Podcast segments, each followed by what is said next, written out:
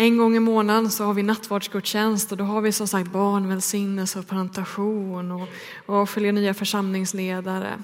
Eh, och då brukar vi i de här gudstjänsterna predika ur någon berättelse ur Jesu liv. Så att vi ständigt påminns om vem är Jesus? För nattvarden är ju en, en måltid där vi minns Jesus, när vi firar minnet av honom. Och då brukar predikan vara lite kortare eftersom de här andra momenten tar lite tid. Och temat för den här predikan är var hittar man Jesus när man känner att man tappat bort honom? Var hittar man Jesus när det känns som att man har tappat bort honom? Eh, och vi ska läsa om berättelsen när Maria från Magdala möter den uppståndne Jesus. Vi har ju firat påsk här nu och lever i påskens glädje ända fram till Kristi himmelfärd och pingst. Och innan jag läser den här berättelsen som ska berätta vad som hände innan. Tidigt, redan in, när det var mörkt innan gryningen så gick Maria från Magdala till graven. Maria var en lärjunge till Jesus. Hon hade blivit befriad från sju demoner berättas det i evangelierna. Vi vet inte exakt var, var det var hon kom ifrån. Men hon hade blivit befriad och hon hade börjat följa Jesus. Och hon går till graven där i gryningen. Och när hon kommer fram så märker hon att stenen är bortrullad. Och, och det bekymrar henne, det gör henne rädd för hon tror att nu är det någon som har snott kroppen. Någon har tagit Jesu kropp och, och gjort någonting med den. Och hon vågar inte gå in i graven och titta utan hon springer tillbaka till stan och hämtar Petrus och Johannes, två andra lärjungar. Och så går de tillbaks till graven. På den här tiden var det så att man smörjde den döda kroppen med oljor och så lindade man in det i bindlar och så la man kroppen i en grotta och så väntade man ett år. Eh, Medan eh, kroppen multnade bort och sen hade man en andra begravning av benen, av skelettet. Så det var så det gick till.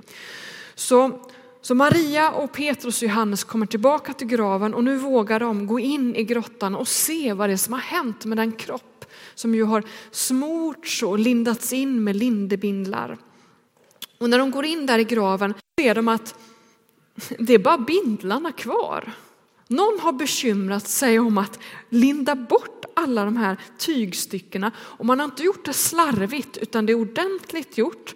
Linnebindlarna som var över kroppen de låg på ett ställe och den, det tyget som var om huvudet låg på ett ställe. Och den huvudduken, huvudduken den var prydligt ihoprullad. Jättekonstigt. Och då förstår man att det verkar inte som att det är någon som har snott liksom kroppen bara, utan här har något märkligt hänt. Men de förstår inte vad det är. Eh. Och Petrus och Johannes, de vände tillbaka till stan igen. Men Maria står kvar där och gråter. Och nu ska vi läsa från Johannes evangeliet kapitel 20 vers 11. Har du en bibel kan du slå upp och läsa, annars får du lyssna nu på Guds ord. Men Maria stod och grät utanför graven. Gråtande lutade hon sig in och fick då se två änglar i vita kläder sitta där Jesu kropp hade legat. En vid huvudet och en vid fötterna. Och de sa till henne, varför gråter du kvinna? Hon svarade, de har flyttat bort min herre och jag vet inte var de lagt honom. När hon hade sagt det vände hon sig om och såg Jesus stå där, men hon förstod inte att det var han. Och Jesus sa till henne, varför gråter du kvinna, vem letar du efter? Hon trodde att det var trädgårdsvakten och hon svarade, om det är du som har burit bort honom, Herre, så säg mig var du har lagt honom så att jag kan hämta honom. Jesus sa till henne, Maria. Och hon vände sig om och sa till honom, Rabuni. Det är hebreiska och det betyder mästare. Jesus sa, rör inte vid mig, jag har ännu inte stigit upp till min fader. Gå till mina bröder och säg till dem att jag stiger upp till min fader och er fader, min Gud och er Gud. Maria från Magdala gick då till lärjungarna och talade om för dem att hon hade sett Herren och att han hade sagt detta till henne. Alltså Petrus och Johannes, de går tillbaka till Jerusalem, inte till stan, de orkar inte stå där. Men Maria står kvar och hon gråter. Och när han lutar sig liksom in mot graven så får hon se två änglar. Och när vi möter änglar i Bibeln så brukar deras hälsningsfras vara var inte rädda. Men den här gången säger de varför gråter du? Varför gråter du? Och Maria säger som det är. De har tagit bort min Herre och jag vet inte var de har lagt honom. Alltså de har tappat bort Jesus, han har försvunnit. Någon har snott honom. Och så kan det ju kännas ibland. Kanske känner du så just nu, att en gång var Jesus närvarande i ditt liv. En gång hörde du honom tala, du kunde känna hans närvaro, du kunde se att han handlade i ditt liv. Men nu är han borta. Vart tog han vägen? Och Maria får berätta om detta. Hon får säga som det är. Någon har tagit bort Jesus ur mitt liv. Säg mig, var har ni lagt honom? Och då hör hon någon bakom, att det är någon bakom henne.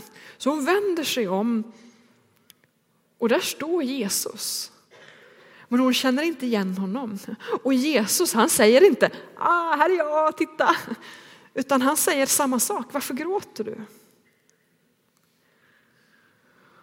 Och Maria säger, för hon tror att det är trädgårdsmästaren, hon tror att det här är någon vakt som fått befallning om att på den här begravningsplatsen där får det inte vara dödsdömda brottslingar som är begravda för de hör hemma på soptippen. Det var så man gjorde med de som hade avrättats. Och hon tänker att det kanske är så att han har burit bort Jesus och lagt honom på en soptipp. Så hon frågar, säg mig, om det är du som har burit bort honom, säg vad, vad, vad är han? Så att jag kan gå och hämta honom. Och vad svarar Jesus på det? Alltså återigen, han säger inte tada, det är jag. Utan han säger Maria, Maria. Och då ser hon att det ju inte är trädgårdsvakten utan hennes rabbi. Och hon säger Rabuni. Det är lite märkligt att det dröjer så länge innan Maria ser att det är Jesus.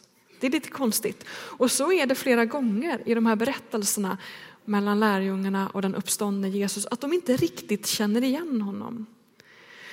Men det som får Maria att förstå att det är han, det är att hon säger Maria. Och i Johannes evangeliet kapitel 10 som ju Cecilia läste här i inledningen, där hade inte vi synkat. När det står om att Jesus är den gode heden. Det står att att vi får i en, grind, i, i en fårfålla. Och så finns det en grind till den fårfållan. Och grindvakten öppnar bara för heden. Och grindvakten känner igen att det är heden på utseendet. Men fåren i den här follan, de känner igen heden på rösten. De hör när heden kallar på dem. Och när heden säger kom, då går de ut ur fårfållan och får friskt och fint bete här utanför fårfållan. Så det som den här texten som, som, som Cecilia läste i inledningen handlar om detta att, att vi känner igen Jesus på rösten. Och det har vi här. Heden kallar på Maria. Maria, säger hon. Hon förstår. Där är han. Där är han. Och när hon känner igen honom så, så är det som att hon griper tag i honom och omfamnar honom. I texten så står det rör inte vid mig. Men det är som att han säger grip inte tag i mig, du får inte hålla fast mig nu. Eh, för det, för Jesus säger att men jag ska stiga upp nu till min fader, utan du får liksom släppa taget om mig här nu. Och så får du gå till lärjungarna och säga att jag har uppstått. Så han sänder iväg Maria för att gå till lärjungarna. Maria vågade stå kvar och gråta. Hon vågade stå kvar vid den tomma graven. Hon fick två gånger möjligheten att berätta om sin sorg och om hennes frågor och om vad hon trodde. Och det är det som öppnar upp för det här mötet, som gör att hon får möta Jesus, som ju inte lärjungarna fick. Petrus och Johannes, de stack liksom. Men Maria vågade vara kvar vid den tomma graven, vid tomheten. Hon vågade vara kvar där. Och då är frågan, vågar du stanna kvar i det som är? Du som har tappat bort Jesus. Vågar du ta in den här tomheten?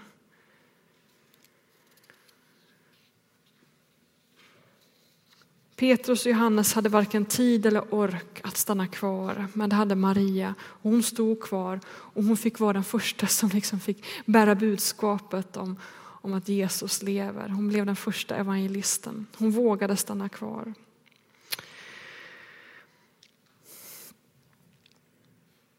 Och nu är frågan, var är Jesus någonstans? Du som har tappat bort honom. Var är Jesus? För det första, du hittar Jesus i församlingen. Det är faktiskt där han är. Det står i Matteus evangeliet 18 att, att där två eller tre är församlade i hans namn så är Jesus mitt ibland dem. Kanske har Jesus inte försvunnit ur ditt liv. Kanske är det så att Jesus sa att du inte ser honom längre för att du har dragit dig undan den bedjande gemenskapen. Du har isolerat dig. För mig personligen så är platsen där jag möter Jesus just nu, det är det förtroliga samtalet med en annan människa. Där jag får säga som det är, där jag får berätta hur jag har det, vad jag tror om mina tvivel, och mina frågor, och mina bekymmer, och mina synder och mina frestelser. I det mötet, när jag får dela mitt liv, utgjuta mitt hjärta och be tillsammans med en annan människa, där finner jag Jesus. Visst är det så att Jesus är i vår gudstjänstfirande gemenskap här. Han är här. Nattvarden är ett tecken på det.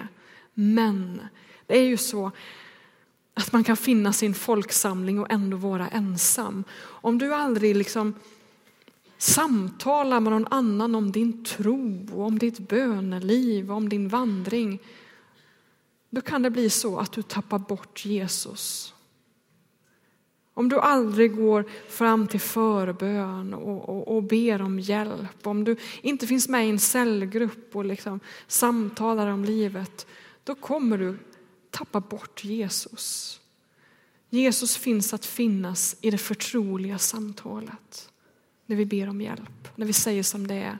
När Maria säger, jag tror att de har tagit bort Jesus. De har snott honom. När hon vågar stå kvar där och berätta för de här änglarna och för det som hon tror är trädgårdsvakten. Där uppenbaras Jesus. Så det är det första. Jesus finns att finna när vi delar våra liv med varandra. För det andra. Jesus finns bland de behövande. Det finner vi inte i den här texten, men det finns i, i andra texter i evangelierna. Jesus finns i de behövande, i de som är hungriga, de som är sjuka, de som är fattiga, de som sitter i fängelse, de som är förtryckta. Och när vi går till dem, då finner vi Jesus. Det är där han finns och verkar och där kan vi se honom handla. Om du tycker jag ser ingenting av Guds kraft i mitt liv, jag ser inte att Gud agerar. Ja, men det, kanske inte att, det kanske beror på att du inte är där Jesus vill agera, där Jesus vill handla. Bland de fattiga eller de som ännu inte känner Jesus. Det är där han finns att finna. Så ja, han finns i församlingen och i vår gemenskap. Men Jesus finns också utanför församlingen, bland de behövande. Och du behöver ha båda de här polerna. Församlingsgemenskapen och bland de behövande. Där finner du Jesus. Till sist, de första lärjungarna fick ynnesten att röra vid Jesus efter uppståndelsen. Alltså det som Maria får vara med om när hon bara kastar sig i hans famn och håller fast vid Jesus. Och det Jesus säger, men du måste släppa taget om mig för jag ska stiga upp till Fadern. Och just detta uppstigande som vi kommer uppmärksamma vid Kristi himmelfärd, vid vår nattvardsgudstjänst efter Kristi himmelfärd är Genom denna himmelsfärd så kan Jesus vara närvarande överallt, fast på ett osynligt vis. När Jesus fanns här på jorden då var han begränsad till en punkt. Liksom. Han kunde bara vara där och då. Men genom att han har stigit upp till himlen så kan han vara närvarande överallt. Men han är lite svårare att se. Därför är det viktigt att vi vågar stanna upp och stanna kvar och att vi går. Låt oss be. Jesus, vi längtar efter dig och vi vill vara nära dig. Låt oss få ana din närvaro. Hjälp oss att stanna kvar vid den tomma graven och gråta och säga som det är och dela vårt liv. Låt oss få finna dig i församlingsgemenskapen men också bland de behövande. Uppenbara dig i denna gudstjänst, i brödet och vinet, i bönerna, i ordet. I Jesu namn. Amen.